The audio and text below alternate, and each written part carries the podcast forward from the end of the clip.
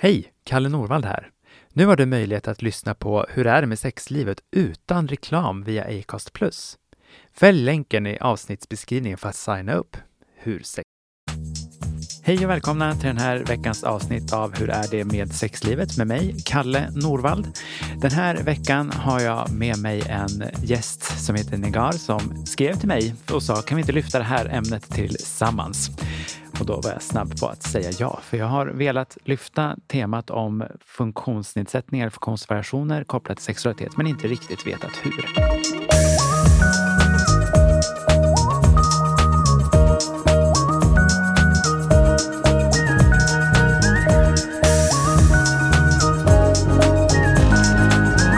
Hur är det med sexlivet med Kalle Norvald? Tack på en gång Negar att du hörde av dig och sa men vi gör det tillsammans. Ja, tack för att jag fick vara med här. Hur mår du idag? Jag mår bra, tack. Vi båda sitter här med en välfylld kaffekopp, för vi båda har sovit lite illa i natt. Ja, det har vi, så vi är lite trötta. Ja. Om du skulle beskriva lite kort vem du är och hur du kommit in på temat med funktionsvariationer, hur skulle du beskriva det? Jag är också socionom som du och jag kom in på det här ämnet. Dels så pluggade jag socionomutbildningen med inriktning på äldre och funktionshindrade innan jag fick barn. Mm. Men sen så fick jag faktiskt ett barn som hade funktionsnedsättningar och såg kontrasten mellan utbildningen och samhället och hur det inte går ihop riktigt. Och på den vägen är det. Så började jag lyfta de här frågorna om krocken då som uppstår mellan teori och verklighet. Mm. Och sen så har det uppmärksammats på sociala medier och ja, Du har till och med fått pris va? ja, Ja. jag fick faktiskt inspirationsmamma förra året. Och så inspirerar du mig också, så nu blev du inspirationsmamma en gång till.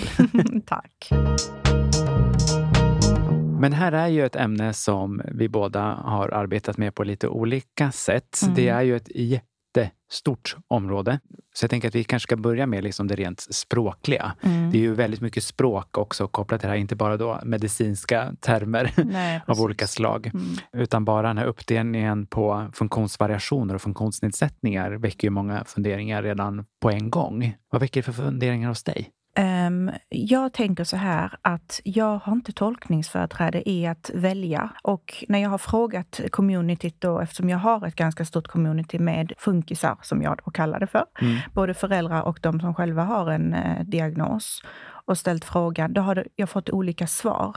Vissa föredrar det ena, vissa föredrar det andra. Men rent generellt har jag förstått att en funktionsvariation, det har vi allihopa, för vi är en variation av människor. Och en funktionsnedsättning är kanske att man har nedsättning alltså i någonting, att man har intellektuell funktionsnedsättning eller så. Och det föredrar väl de flesta. Och sen så har vi funktionshindrad som de flesta tar avstånd ifrån och Ja. menar på att det är faktiskt samhället som skapar hinder och Ja. inte individen. Det är samhället som är funktionshindrande. Ja, Mm. precis. Mm. Så funktionsnedsättning brukar jag använda gällande min zon. Mm. Men sen så har jag respekt för hur andra vill. Men ska vi välja att prata om funktionsnedsättningar i det här avsnittet? Ja, men det kan vi väl göra. Mm. Och så med då klausulen att det finns många andra sätt att beskriva det här också på som man har, tack och lov, en demokratisk rätt att bestämma själv från sin Ja. egen förutsättning. Precis. För jag tänker också att med funktionsnedsättning så blir det ju just då eh, i relation till alla dessa normer vi har kring kropp och knopp som vi många gånger refererar till. Mm.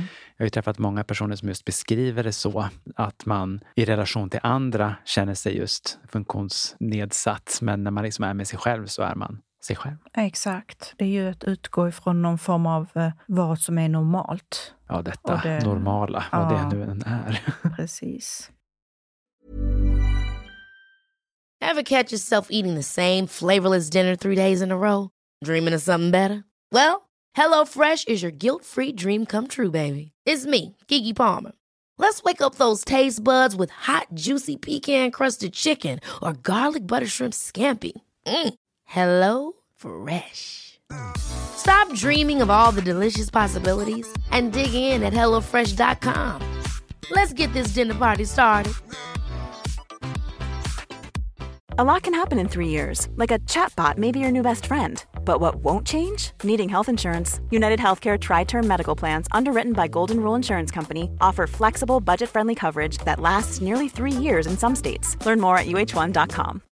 Millions of people have lost weight with personalized plans from Noom, like Evan, who can't stand salads and still lost 50 pounds. Salads, generally, for most people, are the easy button, right? For me, that wasn't an option. I never really was a salad guy. That's just not who I am. But Noom worked for me. Get your personalized plan today at Noom.com. Real Noom user compensated to provide their story. In four weeks, the typical Noom user can expect to lose one to two pounds per week. Individual results may vary.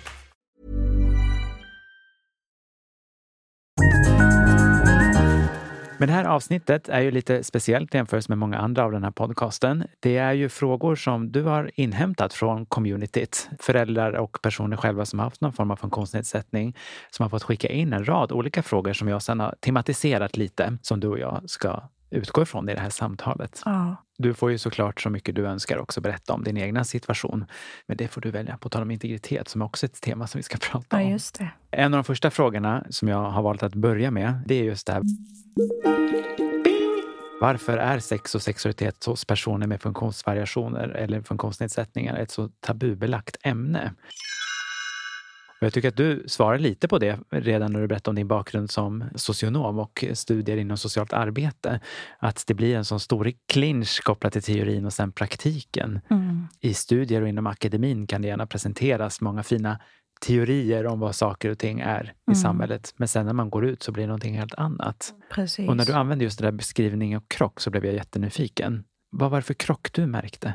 Alltså krocken jag märkte var att främst inom det som är lagligt, alltså Mm. det som vi lär oss som socionomer, att när du går ut i arbete så ska du, alltså många vill ju bli socionomer för att hjälpa människor. Det är Ja. ju liksom den främsta anledningen. Ja, inte är det ju lönen. Nej, precis. Det är ju inte lönen som lockar. Men krocken som jag har märkt utifrån våra erfarenheter är att när vi väl har sökt den hjälpen så har Mm. det varit ett enormt motstånd hos socialhandläggare. Att man har börjat fokusera på ekonomi och grejer istället för att se barnet eller individen som sökers behov.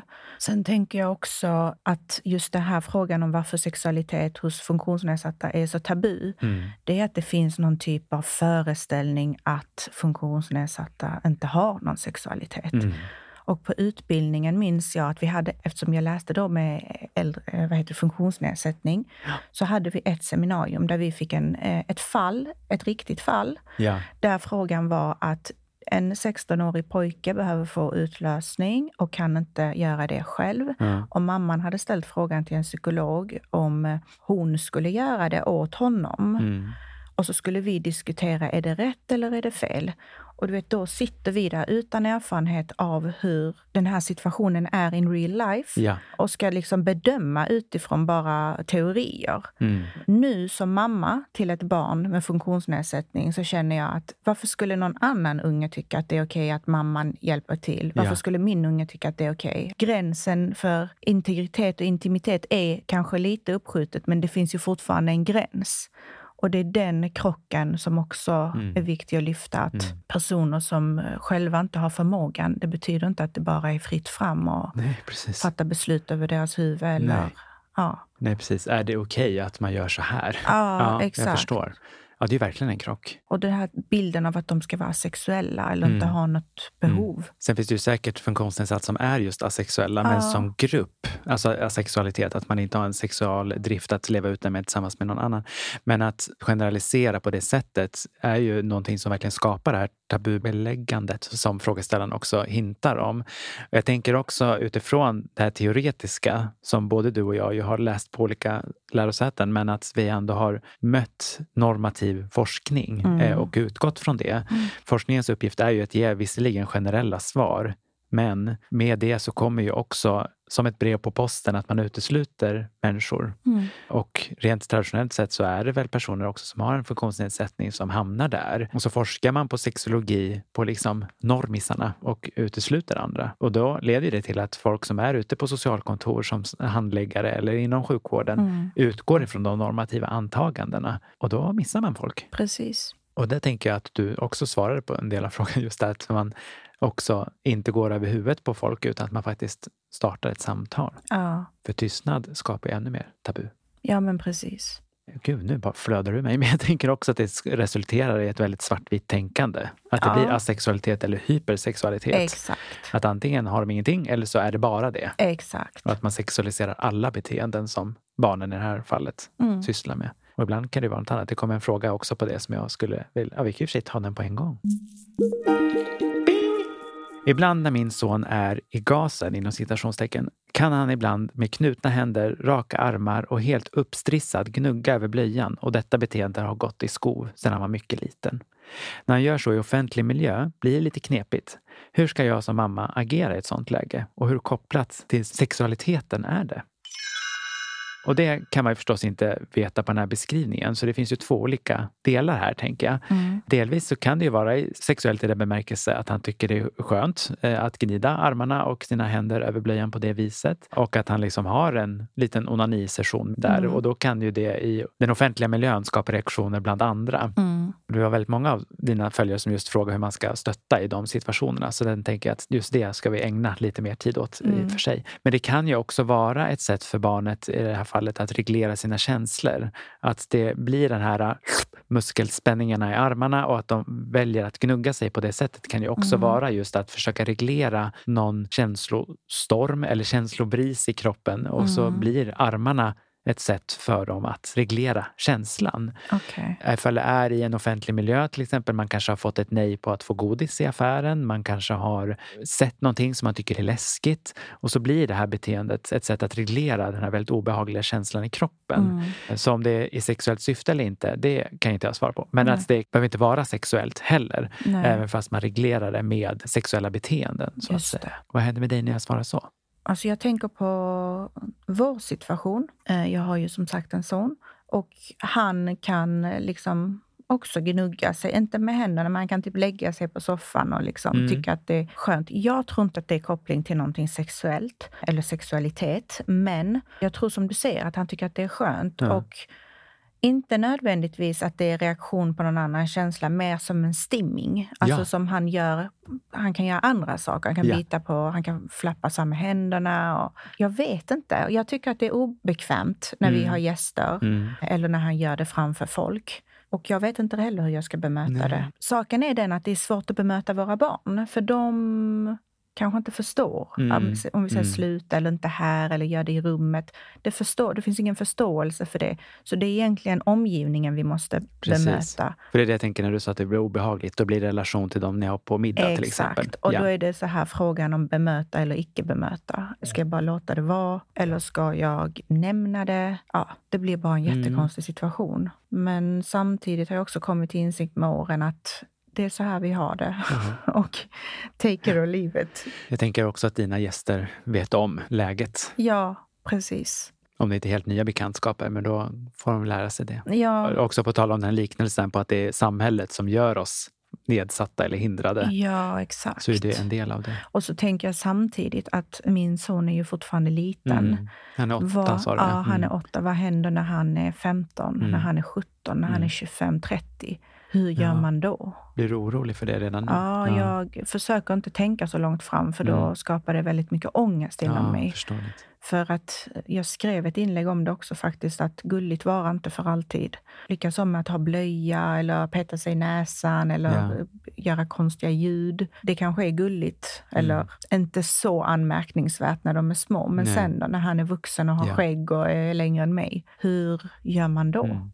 Precis. För jag menar när man pratar om normisbarn som liksom passar normen mer, då pratar man ju mycket om att bekräfta och stötta och sätta gränser och så. Men här har vi ju en annan utmaning. Mm. Hur ska man hjälpa personer vars kognitiva förmåga inte är som normen mm. någonstans refererar till? Och det igen sätter ju då förstås dig och mig lite i en sits nu att det går ju inte att sätta ett svar som hjälper alla personer oavsett Nej. funktionsvariation eller nedsättning. Men jag tänker att det ändå är mycket att ja, men koppla till frågeställningen här, men också många andra, hur man som förälder kan stötta sina barn som har funktionsvariationer i det här, så tror jag ändå att någonstans att det hjälper att stötta dem på liknande vis. Mm. Eh, men ibland kanske ännu tydligare. Mm. Att man hjälper och stöttar och försöker just bekräfta känslan ännu tydligare, mm. men sätta gränser kanske ännu tydligare. Många jag har mött är ju rädda att ens barn med någon form av funktionsnedsättning, eh, då främst kognitiva sådana, att man är rädd att de ska utsätta andra för mm. saker och ting.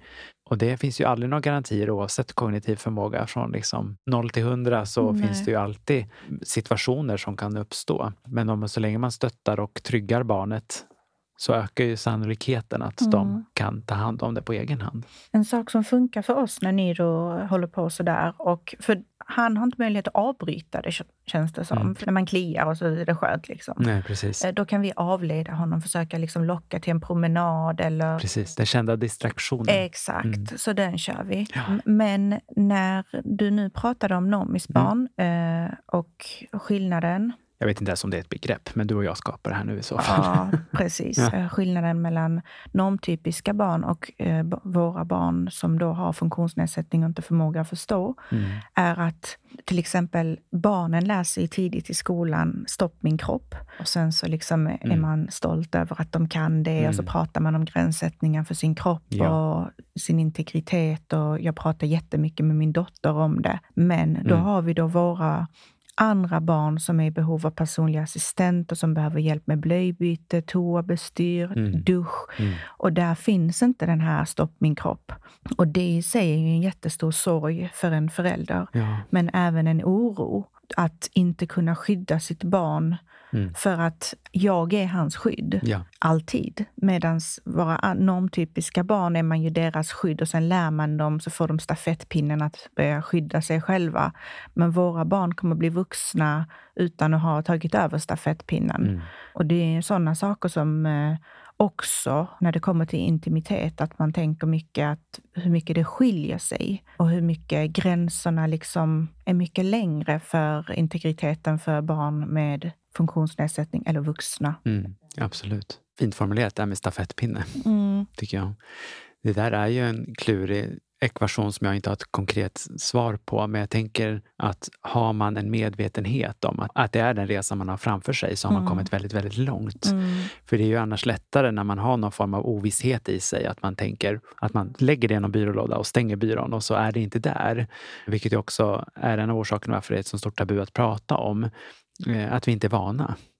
Och Mm. jag tänker att integritet och den här stopp min kropp-grejen som jag ju är förstås väldigt mycket för. Mm. Att man inte har de verktygen att applicera det på barn med funktionsnedsättningar. Det är en svår nöt att knäcka någonstans, för det är också som du säger, man är många gånger beroende av den här assistansen. Mm. Och jag tänker också att ha ett barn som är icke-verbalt, som mitt barn då, han kan ju inte berätta någonting. Mm. Det blir sånt stort förtroende man måste ha till samhället. Och Det det, har man ju, det har man ju alltid. Jag ser ju jättemånga som liksom, vars barn precis ska börja förskolan och för, du vet, det här svårt att släppa separationsångesten som föräldrar ofta känner. Mm.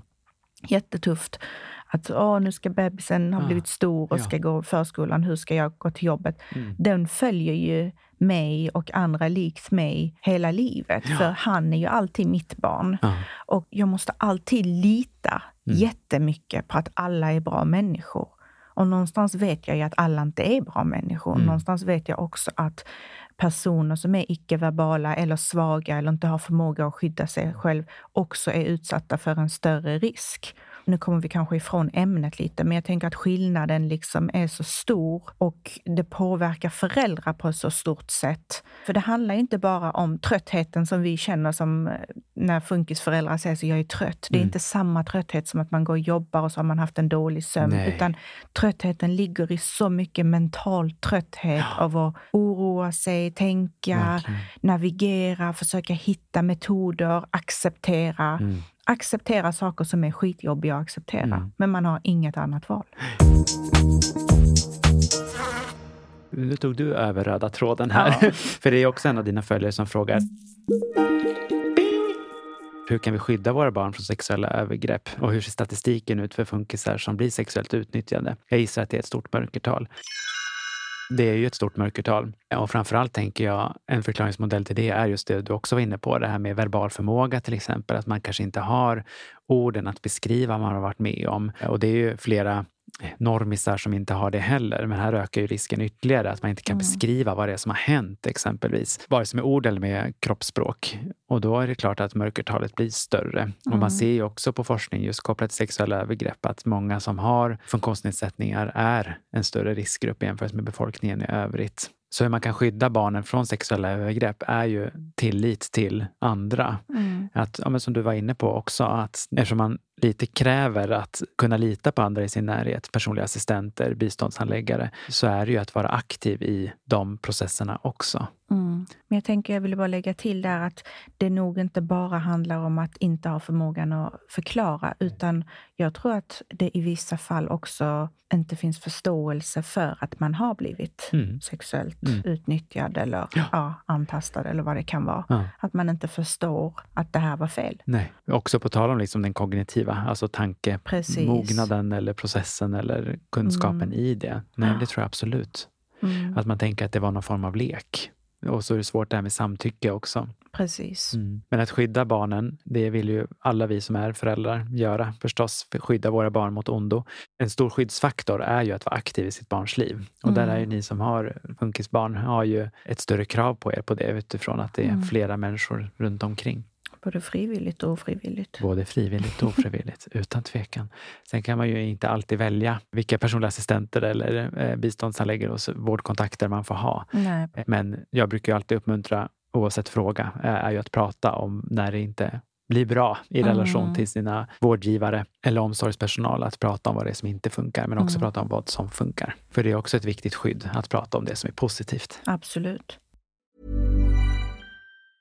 A lot can happen in three years, like a chatbot may be your new best friend. But what won't change? Needing health insurance. United Healthcare Tri Term Medical Plans, underwritten by Golden Rule Insurance Company, offer flexible, budget friendly coverage that lasts nearly three years in some states. Learn more at uh1.com. This is Paige, the co-host of Giggly Squad, and I want to tell you about a company that I've been loving, Olive and June. Olive and June gives you everything that you need for a salon quality manicure in one box. And if you break it down, it really comes out to $2 a manicure, which is absolutely insane. It's also so easy to get salon worthy nails at home with Olive and June. The difference between how your nails used to look when you did them yourself and now with the Manny system is a complete game changer. The best thing about Olive and June too is it's a quick dry, dries in about one minute, lasts for five days, and full coverage in up to one to two coats. Visit oliveandjune.com slash perfectmanny20 for 20% off your first system. That's oliveandjune.com slash perfectmanny20 for 20% off your first system.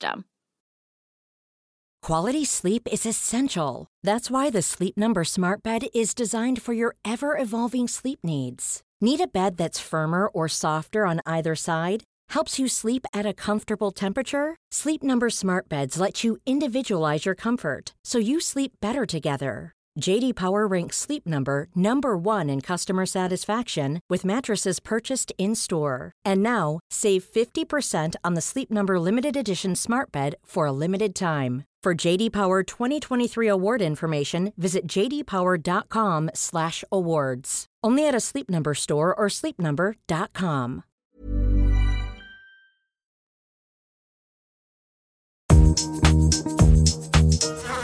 Men ett tema på frågor som också dina följare nämner här, det är ju bland annat sexualitet i mycket större bemärkelse.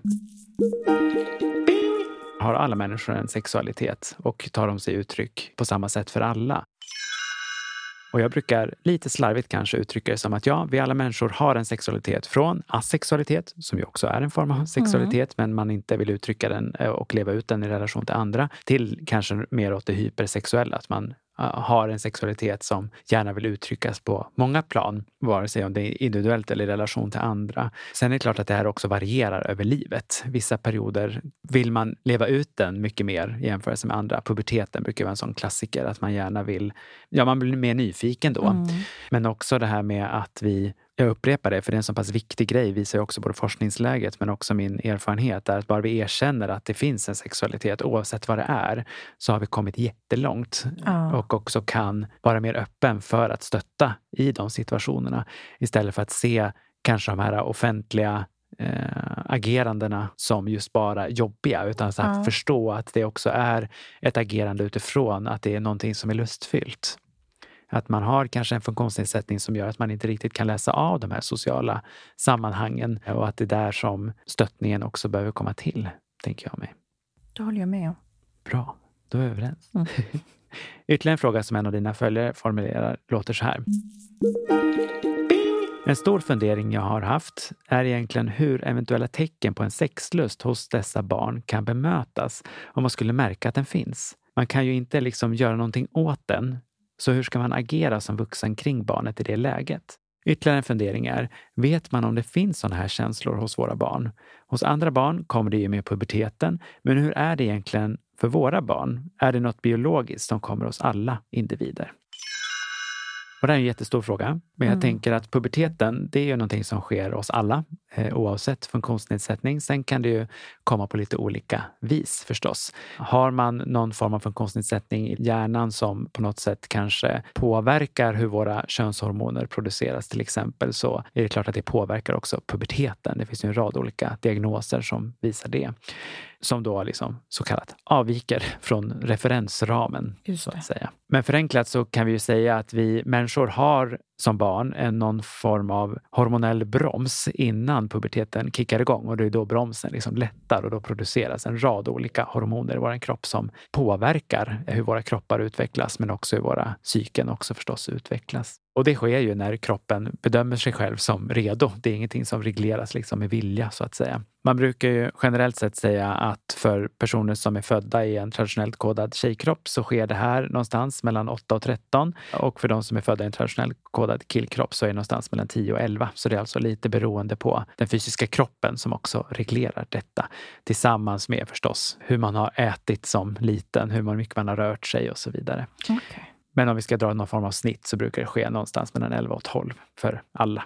Mm. Ytterligare på den här funderingen kring ifall de här sexuella känslorna finns hos alla barn oavsett funktion, så har man förstås också forskat på känslor på generellt plan då. Och att man har märkt att det finns nio stycken så kallade grundkänslor som vi alla har en förmåga att känna, vilket är glädje, nyfikenhet, förvåning, ilska, rädsla, ledsenhet, skuld, skam och äckel. Sen är det klart att beroende på vilken funktion vi har och på vilket sätt vår hjärna eller våra limbiska system utvecklas, det är, nu blir det lite detalj och nördnivå här, men, ja, men limbiska systemet i hjärnan som hjälper oss att reglera känslorna, men också sexdriften på olika vis, i alla fall det biologiska perspektivet. Har man någon funktionsnedsättning i hjärnan som påverkar detta så är det klart att förmågan att känna och uttrycka de här känslorna påverkas. Mm.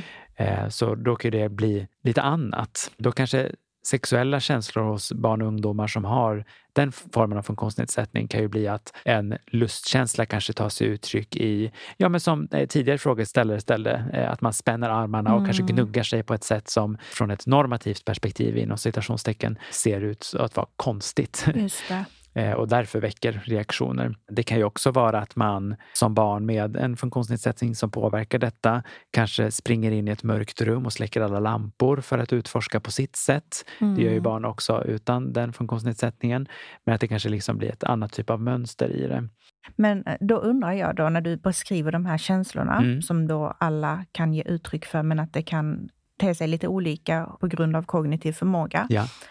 Jag tänkte då på min son. Ja. När han är hungrig så blir han jättearg och kan börja slå sig själv och ja. liksom har inte alls förståelse för hunger, gissar Nej. jag. Ja. Jag tror att han känner att han har ont. Mm, precis. Kan det vara detta som du beskriver då? Ja, det skulle jag faktiskt säga. Det kan det vara utifrån hur du beskriver det. Och att man just tolkar kroppens signaler till någonting annat. Och hunger är ett väldigt bra exempel, för vi alla har ju förmågan att känna. Nej, det är också en lögn, för det har inte alla. Men att generellt sett när man känner hunger så vet man om det. Ja. Eh, oj, jag har inte ätit idag. Eller oj, nu var det många timmar sedan jag inte ätit någon mellis. Och att blodsockernivåerna sänks och då blir vi ofta argare. Mm. Och att din sons strategi blir att gå på den egna kroppen som gör ont. Och ja. genom att slå sig själv så kan man hantera det. Så han reglerar ju, smart unge, som hjälper sig mm. själv att reglera sig själv. Mm. Sen är det synd att det är med våld förstås, men att det är en strategi som funkar för honom. Ja. Och vad bra att ni har kunnat definiera att det är det som sker det har ju verkligen räddat oss att kunna definiera det. För nu måste ju liksom maten vara klar när han kommer hem. Mm. För att han är hungrig när mm. han kommer hem. Och det lägger liksom grunden för resten av kvällen. Verkligen. Om han inte får sin mat och mm. är, blir mätt, Precis. och nöjd, Precis. Eh, så har han svårt att komma ifrån det där. Det blir en ond spiral. Ja, Nej, men jag tror verkligen att det är just det. Ja. Att han tolkar sin kropp på det sättet han kan mm. utifrån sin kognitiva förmåga. Och även fast då vi då som normisar ser sig, men du är ju hungrig. Mm. Så tolkar han det som någonting annat. Fint att höra att ni har hittat den strategin, att maten är klar. Eller att man liksom förbereder något litet mellanmål på något Ja. vis medan maten i sista sekunden blir färdig. Precis. Smart. Men nu gav du mig en aha-upplevelse här. Ja, Vad bra. Det blir också en hel del frågor från dina följare som jag tycker är värda att ta upp som jag tror också att många med normisar har användning av. Det är en fråga som ställdes på det här viset. När börjar ofrivilliga sädesutlösningar för pojkar sätta igång? Och den kan man tolka från två olika perspektiv igen. Det är som många eh, frågor eftersom människan är komplex på så sätt. Den första tolkningen av frågan som jag gör är, jag tror att det är det som frågeställaren faktiskt undrar. Det är det här med utlösningen i sömnen. Alltså att man vaknar upp och att det kanske liksom är blött i underkläderna om man sover med sådana, fast som inte är urin. Då. Det. Och det här händer väldigt många som har en penis under pubertetsåldern. Och det är liksom kroppens sätt att reglera balanser i kroppen på något Mm. vis. Och att utlösningen på natten ofta har till orsak att man inte haft utlösning i vaket tillstånd. Så man brukar ge tipset att onanera innan man ska sova till exempel, så minskar risken för den nattliga utlösningen. Okej. Ifall det liksom blir till besvär. Men det är ju inget farligt. Eh, Men om, eh, om inte barnet har förmågan att onanera och få utlösning Precis. för... Jag fick en fråga som inte hamnade med där. Ja, Och då var det en mamma som undrade att på nätterna så kommer han inte till ro och han liksom fortsätter och det blir liksom ingen utlösning heller. Så Mm. det blir en väldigt lång natt. ja. Hur gör man då? Just ifall man har en kropp med funktionen där det kanske liksom, nu vet jag ingenting om den här följarens barn, men jag kan tänka att det kan vara exempelvis att man inte kanske har händer med fungerande greppförmåga ifall man har ett barn med penis som onanerar. Man kanske har en armlängd som gör att man inte når ordentligt. Man kanske har något hjälpmedel men som inte ger rätt stimuli som leder till en utlösning. En av dina andra följare frågade just vad finns det för hjälpmedel Mm. eh, för att få orgasm som rörelsehindrad? Är det något man, kan, man ska googla själv och leta? Eh, eller är det någonting som habiliteringen och sjukvården kan förskriva? Vad jag vet så förskrivs det ju inte hjälpmedel på det sättet i alla regioner. Det finns säkert regioner som gör det.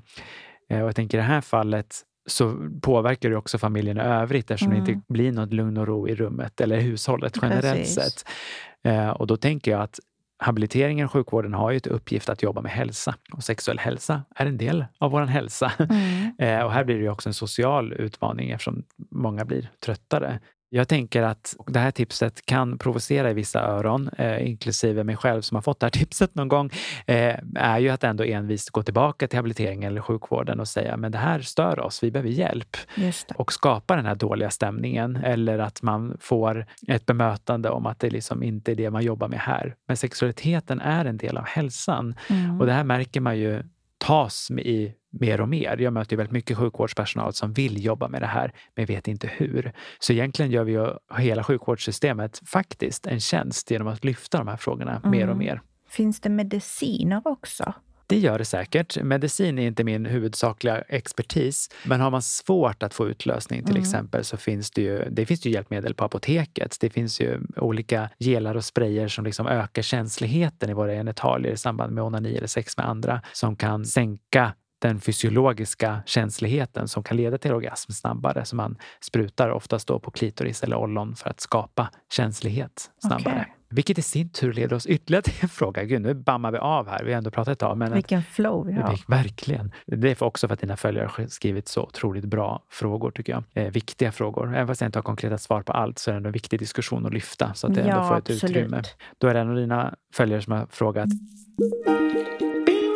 ifall det finns någon speciell utbildning för personliga assistenter att få gällande sex och samlevnad åt funktionshindrade eller funktionsnedsatta. Om det inte gör det, tycker du att det borde finnas?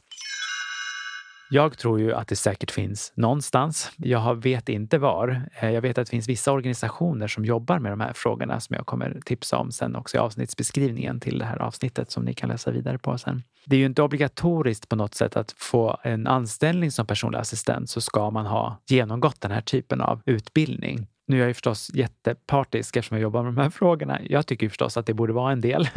Och igen med motiveringen för att personliga assistenter jobbar ju på uppdrag av den de är anlitade av. Brukaren brukar man ju ofta prata om. Och då tänker jag att det här också är en viktig del att ta hänsyn till eller den föreläsning för länge sedan, då var det en personlig assistent som var med där som någonstans för sig själv hade satt gränsen att jag kan stötta brukaren jag arbetar för ända fram att det ska ske någon genital kontakt. Då vill jag inte vara med. Men hela vägen fram till dess är jag på och det kunde ha varit till exempel att ja, hjälpa de två som ska ligga med varandra att klä av sig, att lägga dem till rätta så att de kommer varandra nära. Men så fort genitalierna skulle mötas, där var mm. liksom hens gräns. Då gick han ut mm. och väntade. Jag tänker att det är en eh, bra gräns. Och jag vet att i Danmark till exempel så har de ju just assistenter för det ändamålet. Mm. Men det finns inget sånt i Sverige. Nej, och jag vet att det har varit en diskussion om det. Nu minns jag inte den utan till så ni som vet om den får jättegärna skriva till mig. Men jag vill minnas att det handlade just om arbetsmiljöperspektivet. Att vad ska personliga assistenter behöva göra och inte? Och att det blev en diskussion kring att ska man vara med som sin egna privata sexuella varelse som personlig assistent? Och svaret är ju nej, det nej. ska man ju inte. Eh, utan det, blir liksom ett helt annan diskussion kring sex mot ersättning och så. Men att det här, det är inte det det handlar om, utan det handlar just om att stötta brukaren eh, eller den funktionsnedsatta i att få leva ut sin sexualitet på det mm. sättet som den förmår. Leva ut sitt liv helt och hållet. Och det är det som är syftet med personlig assistent, tänker jag. Man är ju armar, ben, syn, hörsel. Den variationen individen har ska man komplettera. Precis. Och ja, jag håller med. Jag tycker också att det borde finnas ja. krav på det. Ja, igen, jag upprepar det för det är så viktigt. att En del av hälsa är också sexualiteten och även för de som inte kanske har förmågan att uttrycka den verbalt eller kroppsspråket, hur mm. viktigt det är, så behöver vi också ändå ha med oss de här perspektiven. Och sen skulle jag också igen vilja bredda perspektivet att det inte bara handlar om att göra det praktiska sexet, utan att vi får en helhetsbild också på vad sexualitet är. Att det också handlar om att få ja, men kommunicera sin sexualitet och sina önskningar och fantasier och drömmar.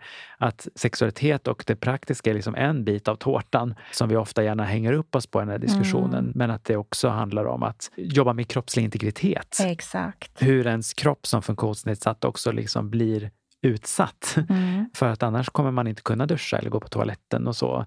Eh, och hur vi kan jobba med integritetsfrågan också i det personliga assistentsperspektivet. Absolut. För mig blev det en väckarklocka nu i somras. Mm. Så var jag med min dotter på stranden och så skulle hon byta om från bikini till vanliga underkläder. Och då var hon ju väldigt mån om att jag absolut inte fick släppa handduken. Hon är ett år äldre än min son. Och det var verkligen du släpper inte handduken mamma. Mm. För att hon är blyg och hon vill inte att hennes kropp ska skylas för andra att se. Samtidigt som då vi har normaliserat att våran son har blöja och ibland kan man ja. bara byta blöja om typ, ja, men någon Varsam. nära mm. släkting, om familjemedlem är hos oss, tänker man vi är familj. Så tänkte jag det, nej, men tänk om ni inte heller vill jag skäms ju nu i efterhand att jag inte har tänkt så, men nu har vi liksom ändå satt en gräns att nu går vi in med honom till ett annat rum. Även om han inte har visat missnöje på något vis, mm. så känner jag att det ansvaret kan inte läggas på honom. Det mm. måste jag ta mm. hänsyn till själv. Att hans integritet, kroppsliga integritet också behöver respekteras. Mm. Även om det handlar om att byta om från badbyxor till eh, kalsonger. Liksom. Ja, men jag tänker de där vanorna blir ju inte synliga först de blir synliga. Precis. Jag förstår att du beskriver det som skam från din sida, då, men jag tänker att nu har du kommit till den insikten. Jag, menar, jag har ju också barn mm. eh, och jag menar, man kommer ju också i kontakt med de där situationerna. Man bara så här, varför har jag gjort så här hela tiden? Mm. Och så korrigerar man det. Ja. Eh, och att det är en jätteviktig insikt du kom till och mm. den kom. Ja, och sen samtidigt så blir det ju fortfarande att jag drar ju slutsatser åt mitt barn. Om han hade mm. varit normtypisk kanske han inte ens hade brytt sig. Han mm. kanske hade sprungit runt naken mm. på stranden och inte ens... Ja. Vilket ju är en del att vara förälder till en funktionsnedsatt. Man behöver någonstans ha det som vi terapeuter kallar för mentaliseringen. Att tänka så här, men hur hade det varit om man var normis? Ja. Liksom? Nu har ju ni ett barn väldigt tätt i åldern också som ni kan lite jämföra ja. med hur hon uttrycker det. Och där kan man ju ta inspiration av. Ja, precis. Så, alltså, man är ju sin egen person, men um, jag försöker att försöka tänka på det ju äldre han blir. Mm när han var liten så alla treåringar kanske har blöja, men alla nio, åttaåringar har ju inte har blöja. Inte Nej, och då blir det igen det här hur man kommunicerar till omvärlden någonstans. Ja, precis. Mm. Det blir så många nya förhållningssätt som vi behöver hantera mm. längs vägen. det blir, ställer ju större krav på de av oss som har barn som är funktionsnedsatta eller har en variation Mm. som inte följer normen någonstans. Och en viktig grej är ju om vi ska punkta upp det. Delvis då, nummer ett, erkänna att barnet har en sexualitet på ett eller annat vis. Mm. Stötta barnet när man märker att den börjar agera sexuellt beroende på vart man är någonstans. Och sätta sig in i att barnet uttrycker en känsla och det är ju positivt. Men hur man kan göra det så bra som möjligt för den också i sociala sammanhang. Och på de sätten man kan kommunicera med barnet om hur den har det. Mm. Och tillit till andra. Ja. Det är ett annat form av föräldraskap som kräver mer i Ja. jämförelse med många norm, alltså barn inom normen. Och det är energikrävande. Så jag tänker också verkligen ge min varmaste rekommendation till alla av er som är föräldrar till funktionsnedsatta barn att också ta hand om er själva. Mm. Att vårda relationen till sig själv och har man sin partner i närheten som kanske också är förälder till barnet, att ta hand om varann. ja, det är jätteviktigt. Det är väl ett Mm. avsnitt i sig också i och för sig. Men att det är viktigt att hitta styrka och energin på de sätt man kan. Så är det verkligen. För det är ju väldigt lätt när man har barn som är funktionsnedsatta att man riktar all uppmärksamhet och energi till barnet. Det är precis så det blir. Men man måste också ta hand om sig själv. Och syskonet. Jag menar, syskonen benämns som skuggsyskon. Ja. Och bara det ordet är ju så Ugh. sorgligt. Och Ja. det är så Oh, sant. det har jag inte hört innan. Det Ja. gjorde verkligen ont i hjärtat på mig. Mm, det är så. Mm. Alltså tyvärr är det så att all fokus går åt personen i hushållet som har störst behov. För det är Ja. basic behov. Det är liksom viktigare för mig att duscha Niro eller mata Niro än att hjälpa Celine med läxan. Ja. Alltså om man jämför. Inte viktigare utifrån vad jag tycker är viktigare, utan man utgår ifrån grundläggande behoven, be- ja, ja, upp till Mm, mm. prioritering helt enkelt. Och tiden räcker inte till alltid. Nej. Eller orken. Ever catch yourself eating the same flavorless dinner three days in a row? Dreaming of something better? Well, HelloFresh is your guilt-free dream come true, baby. It's me, Kiki Palmer. Let's wake up those taste buds with hot, juicy pecan-crusted chicken or garlic butter shrimp scampi. Mm. Hello Fresh. Stop dreaming of all the delicious possibilities and dig in at HelloFresh.com. Let's get this dinner party started. Imagine the softest sheets you've ever felt. Now imagine them getting even softer over time. That's what you'll feel with Bowl and Branch's organic cotton sheets. In a recent customer survey, 96% replied that Bowl and Branch sheets get softer with every wash. Start getting your best night's sleep in these sheets that get softer and softer for years to come. Try their sheets with a 30-night guarantee. Plus, get 15% off your first order at bowlandbranch.com. Code BUTTERY. Exclusions apply. See site for details.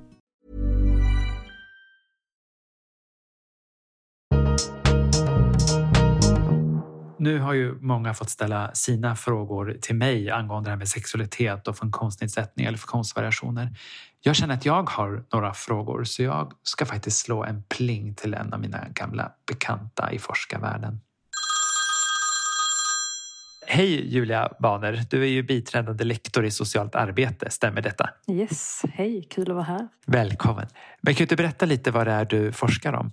Ja, just nu har jag precis avslutat ett projekt som jag håller på att skriva en bok på. Och då har jag intervjuat 65 personer med olika typer av normbrytande funktionsvariationer.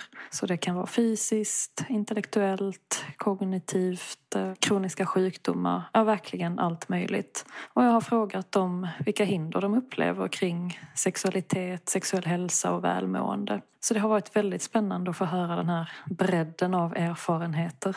Vad är det de berättar? Alltså mycket är ju faktiskt gemensamt oavsett funktionalitet och det är ju det här att många upplever sig avsexualiserade av omgivningen. Också att det finns en okunskap hos de professionella som de möter i olika sammanhang kring sexualitet och funktionalitet.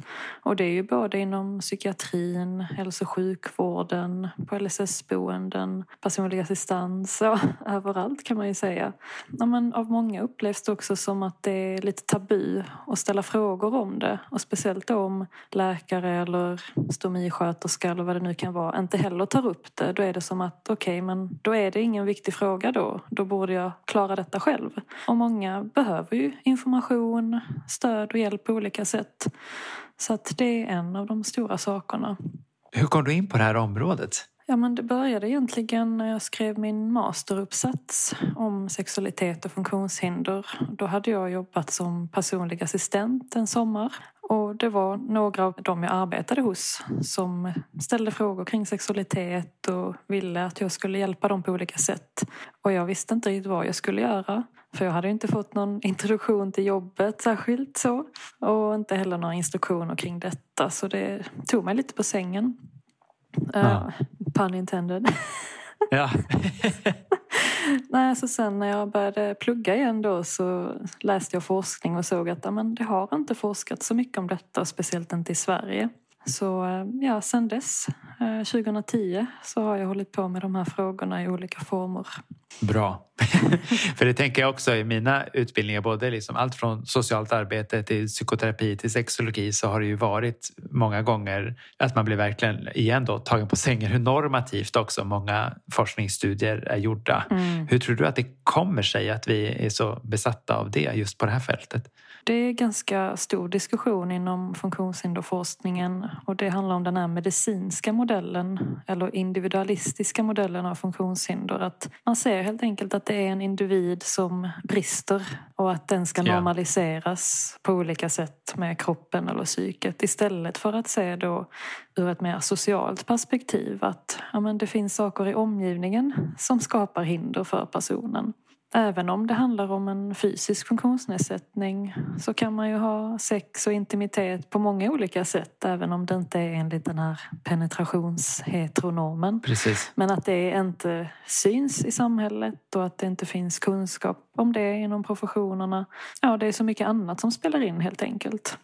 Men under de här då 12 åren som du har varit aktiv i de här temana, märker du att det är någon skillnad idag från 12 år sedan. Hur vi pratar om det i professionerna menar jag. Mm, kanske att vissa ställen har tagit tag i det. Men då är det ofta att mm. det är enskilda eldsjälar som brinner för ämnet och, och då gör man någonting där. Ja, klassiker. Men inte att det har blivit något särskilt brett alltså på ett större sätt. Men däremot ser jag också inom funktionsrättsrörelsen att det har kommit fler och fler projekt och nu även då Funktionsrätt Sverige och RFSU-förbundet att man faktiskt tar tag i de här frågorna och det tror jag är jätteviktigt. Det tror jag med och jag tänker att det också är viktigt att vi inom professionen där vi möter människor egentligen oavsett funktion, att vi också öppnar upp vyerna på att det kan uttryckas olika för oss alla. Men jag tänker igen på de informanter du träffat eh, och pratat med inför det här projektet och boken. Vad brukar de berätta att de vill veta mer om? Ja, men till exempel personer som har fått stomi och liknande. Men hur funkar mm. det att ha sex om jag har det? Och då handlar det ofta om att börja prata om att ja, men sex, vad är sex? Mm. Att det kanske inte behöver vara det här heterosexuella penetrerande samlaget. Och prata mer öppet och brett kring vad är sexualitet och intimitet? Kan vi hitta andra sätt? Men också jättemycket om eh, självkänsla. Sexuell självkänsla, hur får jag den? Efter en olycka till exempel, där jag blivit förlamad. En ung kille som berättade att när han låg på rehabiliteringen efter sin olycka så var det ingen som tog upp sexualitet med honom eller hur kroppen förändrades mm. och vad det skulle få för konsekvenser. Och för personer med intellektuell funktionsnedsättning kan det handla mer om information, att lära sig om kroppen, hur fungerar den, vad är sex på olika sätt samtycke, mm. vad får jag säga nej till och inte. Alltså det här med integriteten kan också bli väldigt viktigt att diskutera. Om man är van vid att det är massa olika professioner som hela tiden tar i ens kropp, hanterar ens kropp på olika sätt så blir mm. integriteten påverkad och det spiller ju över i sexuella och intima relationer. Så liksom kunskap och samtal? Ja, verkligen. Klassikerna. Det är flera personer som har berättat att de eh, behöver ta olika typer av mediciner för epilepsi eller ADHD och liknande och att de inte har fått information om hur det påverkar sexualiteten och välmåendet. Och jag tänker att det här är ju ofta kunskap som vi har utifrån ett medicinska perspektivet i alla fall men att läkarna många gånger eller sjuksköterskor eller andra inom vården känner liksom något form av obehag att prata om det. Ja, men det är väldigt synd Det är väldigt synd, för jag tänker också, det menar ju väldigt mycket forskning, i alla fall jag har tagit del av och jag kan läsa lite mellan raderna, jag hoppas jag tolkat dig rätt, att det också är ett sug från målgruppen att få prata mer om det. Ja, absolut. Man har en öppenhet för att den här informationen finns och är man inte villig att ta till sig det nu, för det såklart kan vara svårt direkt efter någon stor operation mm. eller vad det nu kan mm. vara, men att man vet att det finns där om jag vill och när jag känner mig redo och att det finns en öppenhet från personalen. Det är inget konstigt, det är en del av kroppen och psyket och helheten helt enkelt. Ja, precis. Men slutligen Julia, är det något du skulle vilja skicka med till de lyssnare som kanske har någon funktionsnedsättning eller funktionsvariation när det kommer till sexualitet och relationer? Jo, men att ni är inte ensamma. Det är ju väldigt många som funderar på de här frågorna. Kanske att man försöker leta upp någon grupp med likasinnade och se kan jag prata om de här sakerna? Eller ta kontakt med någon sexolog eller annan typ av profession och, och börja ställa frågor att det här är faktiskt min rättighet. Ja. Enligt funktionsrättskonventionen och allt det där. Sexualitet är en del av hälsan. Det är mycket som finns på vår sida. Mm, verkligen. Tusen tack Julia att jag fick ställa mina frågor till dig. Tack för att jag fick vara med. Den här diskursen kring funktionsnedsättningar eller funktionsvariationer inkluderar ju väldigt många olika tillstånd. Så det är väldigt viktigt förstås att ni tar mina och Negars uttalanden också och applicerar det på er egen vardag. Vissa tips kommer inte räcka. Vissa tips kommer vara överflödiga. Andra kommer kanske rädda er från en destruktiv konflikt eller dålig situation. Så prova er fram och vara snälla mot er själva och varandra, tänker jag. Tack snälla, Kalle. Ja, men du, tack själv. Och tack alla dina följare som skickade in frågor. Ja, de är bäst. Ta hand om er allihopa så hörs vi nästa vecka av Hur är det med sexlivet med mig, Kalle Norvald och idag med dig, Negar. Hej då! Hej då!